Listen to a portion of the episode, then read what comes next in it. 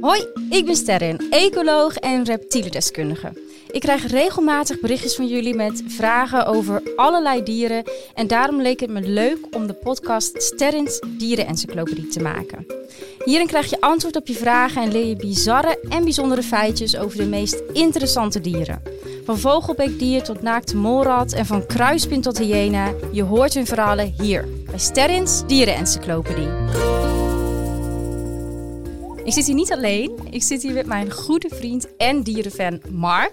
Mark, fijn dat je er bent. Ja, leuk. Ja, hey, ik wist eigenlijk, het moment dat ik wist dat ik met, eh, met jou deze podcast wilde maken, was toen je me vertelde wat jouw lievelingsdier is. Ja, het beerdiertje. Dat vind ik zo leuk. Vertel, waarom het beerdiertje? Nou, het is een heel klein onzichtbaar diertje eigenlijk, wat leeft tussen het mos. En toen ik eh, op school zat, moest ik een onderzoek doen naar een dier. En iedereen koos een konijn of een eh pinguïn. En ik koos een beerdiertje, omdat ik het zo'n... Ja, het is, de naam vind ik fantastisch. Hallo, ik ben een beerdiertje. Vind ik heel grappig. Eh, en het is dus een, een diertje wat onder alle omstandigheden kan leven. Ja, en onverwoestbaar. Ja, Ja, nee, ik vind het heel leuk dat je dan juist zo'n diertje kiest. Want zo was ik dus ook als kind. Met elk project dat we konden doen, ging het maar altijd over gekke dieren. Ja. Dus volgens mij hebben we daarin een hele goede klik. ja, leuk. Mark, ik heb een eh, heel bijzondere manier bedacht om te bepalen over welk dier we het gaan hebben in de podcast. Ja, Zoals je misschien wel ziet, staat hier een boompje.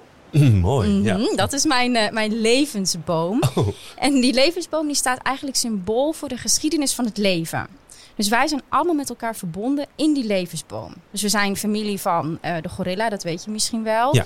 Maar ook van de huisvlieg, eh, de monniksgier, naakte molrat. Uiteindelijk zijn we allemaal met elkaar verbonden in die boom van het leven. echt? Dus ik ben eigenlijk dus ook familie van mijn beerdiertje. Van jouw beerdiertje ook. Oh. Ja, ja. Nou, mijn dag is goed. Dus aan jou de eer om het dier uit de boom te pakken. En dan gaan we het daarover hebben. Oké, daar gaat hij. Eh, ik kies... Deze. Wat zie je? Nou, het, i- het is een soort eh, eh, combinatie van een schildpad, een dinosaurus en een tank. Mag ik hem zien? Ja. Nou, dat vind ik een hele mooie beschrijving voor de matta matta. De watta watta, de matta matta. Zo heet hij. Ja, ik vind het echt fantastisch dat je die uit de boom hebt gepakt. Want eh, ja, ik ben een beetje verliefd op deze schildpad. Dus Oh. vind ik heel leuk om het daar vandaag met jou over te hebben. Een schildpad. Het is een schildpad. Ja, hij lijkt inderdaad ook een beetje op een dinosaurus en op een tank. Ja. Maar eh, het is een schildpad met een beetje een alienachtig uiterlijk. Maar dat is wel met een reden. Ah, en, en, en hoe praat hij? Hoe praat hij? Dat is een hele goede vraag. Het is best wel grappig, want jarenlang dachten we met z'n allen, ook de wetenschappers, dat die waterschildpadden doof zijn en dat ze helemaal niks te zeggen hebben. Oh, Maar nu blijkt het dus dat zij ook een complete taal hebben. Wij kunnen het alleen niet horen, maar ze praten dus wel met elkaar onder water. Nou, als ik dan, omdat we een podcast maken, moet ik natuurlijk. Alles gaat om het geluid. Dus als ik een geluid moet bedenken voor dit dier, dan zou ik. Zoiets. Ja, nou dat is niet zo, maar ik snap helemaal waarom je daarop komt. Ja. Nou, om te beginnen, waar zitten we vandaag op de planeet? Waar woont deze Matta Matta? Ja, vertel. Ja, we gaan naar de warme moerassen, langzaam stromende riviertjes in het tropische Zuid-Amerika. Oh, lekker. Ben jij daar wel eens geweest? Ja, ja, ja, één keer in eh, Costa Rica. Oh, nice. Ja, Heb ja, je daar ja. mooie dieren gezien? Heel veel. Van de, van de luiaard, de. de... Luiaard? Ja, Oh, daar ben ik wel een beetje jaloers op. die zijn dus echt heel lui. Hè? Die bewegen dus heel langzaam. Ja, en die hebben een heel ecosysteem op hun vacht ook. Oh ja? Ja, daar groeien allerlei mossen en algen en zo. Ja, als je niet zo snel loopt, dan eh, kan daar een heel ecosysteem groeien. Dus ze zijn vaak ook best wel viezig, Oh, leuk. maar wel heel gaaf. Ja, dat Ja, ja. ja. Nee, maar daar woont die, eh, die Ma- Matta Matta dus. En je zou zeggen eh, dat je hem vrij makkelijk zou moeten kunnen vinden. Want hij weegt 15 kilo. Dus echt geen kleine schildpad. Wow. 15 kilo, nou dat is... eh, wat zou het 15 zijn? pakken. 15 eh, pakken suiker. suiker of meel. Of... Ja, of mijn neefje van twee nu, denk ik. Oh ja? Zoiets. Zo? Wow. Ja, dat is best wel zwaar hoor. Ja, Dat is echt geen kleine schildpad. maar dat is met schild. Ja, dat scheelt. Het wordt ongeveer nou ja, 45, 50 centimeter lang. Dus een halve meter. Dus nou ja, daar praat je over. Wow. Ja.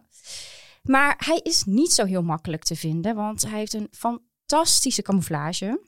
Zijn nek, dat is eigenlijk een soort eh, boomstronk, hele lange nek. die kop zitten allemaal flappen aan en uitsteeksels. Dat lijkt net op een blaadje. Hij heeft een, eh, een, een klein slurfje. Dat is zijn neus. Oh, een soort, soort pieletje zie ik. een klein ja. pieletje. Oh ja, ja, een pieletje. Ja, en dat Ja. kan hij dus boven water steken. En dan ligt de rest onder, onder water. Dus die nek die lijkt al net op een boomstronk. Dat hoofd lijkt op een blad. Dat schild, nou ja, dat is eigenlijk een soort gigantische steen. Want er steken allemaal punten uit.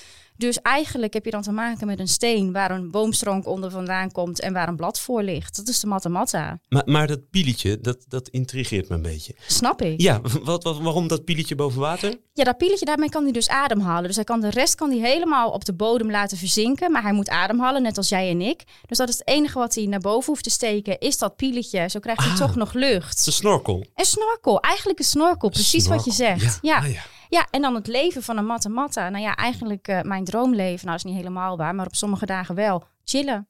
Hij chillt de hele dag. Gewoon liggen, Ja, niks. ja, want hij hoeft niks te doen. Het is niet zoals met een jachtluipaard dat je een gigantische sprint moet trekken om iets te kunnen vangen. Nee, hij ligt gewoon. Hij wacht tot er een visje of een kreefje langs zwemt.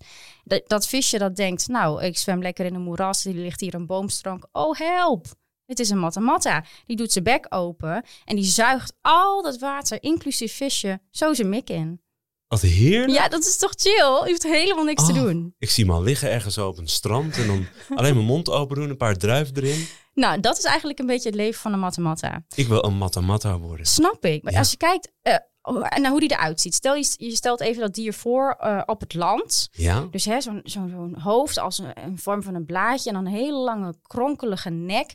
En dan een schild met allemaal uitsteeksels. Dan is het net een alien. Maar op zijn plekje in het ecosysteem, op zijn plekje in de natuur, zie je hem niet.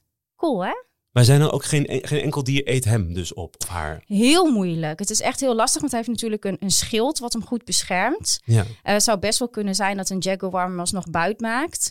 Maar hij heeft weinig vijanden. Zeker als hij eh, volwassen is en groot. Maar je zegt eigenlijk zijn die matamata's dus onzichtbaar. Je kunt ze Ja. niet zien. Maar Nee. kunnen ze elkaar dan wel zien? Stel ze willen paren of ze willen vechten.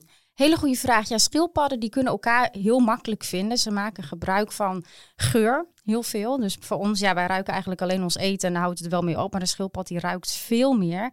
En ze kunnen ook met elkaar praten onder water. Dus ze maken geluidjes die wij niet kunnen horen. Maar zo vinden ze elkaar toch. En dan eh, bijvoorbeeld om baby's te maken. Ah. En, en hoe, zie- hoe ziet het dat met eitjes ook, toch? Ja, Dat- ze leggen eitjes. Ja, en dan komen dan piepkleine alientjes uit. Mathematisch. Ja, motimatties. Ja, Oh. dat vind ik een hele goeie.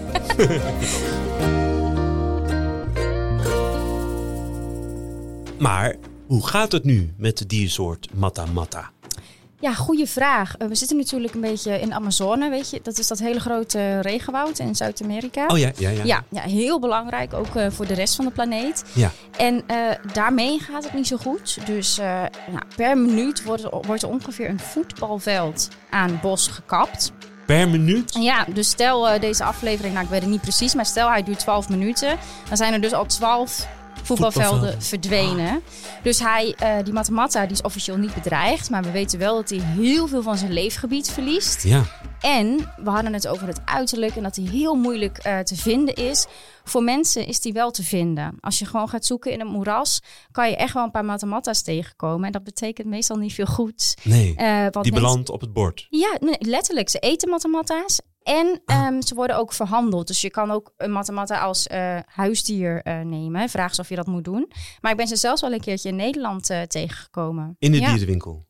Ja, in de dierenwinkel. Ja. Wauw. Ik ben nog nooit in de Amazone geweest. Dus mijn enige matamata is eh, daar. En eh, nou ja, weet je, het is gewoon... Ze hebben verzorging nodig die, die lang niet iedereen ze kan geven. Dus het is vraag is of je dat moet doen. Het is echt niet alleen maar kommer en kwel. Ook hier vanuit Nederland kunnen we echt wel dingetjes doen om ja, het regenwoud een beetje te helpen. Oh ja? Ja, Hoe? ja. Nou ja, om te beginnen, waarom wordt dat gekapt? Eigenlijk voor een heel groot deel voor vee, voor koeien. Die, eh, ja, die moeten ergens lopen, maar die moeten zelf ook eten. Dus er wordt heel veel soja wordt er verbouwd om koeien te voeren. Ook hier in Nederland. Dus Hè, als wacht wij- even. Dus de koeien hier in Nederland eten soja wat verbouwd wordt in Ja. de Amazone. Niet alleen maar. Er zijn ook echt heel veel boeren die goed hun best doen om zelf eten te verbouwen hier in Nederland.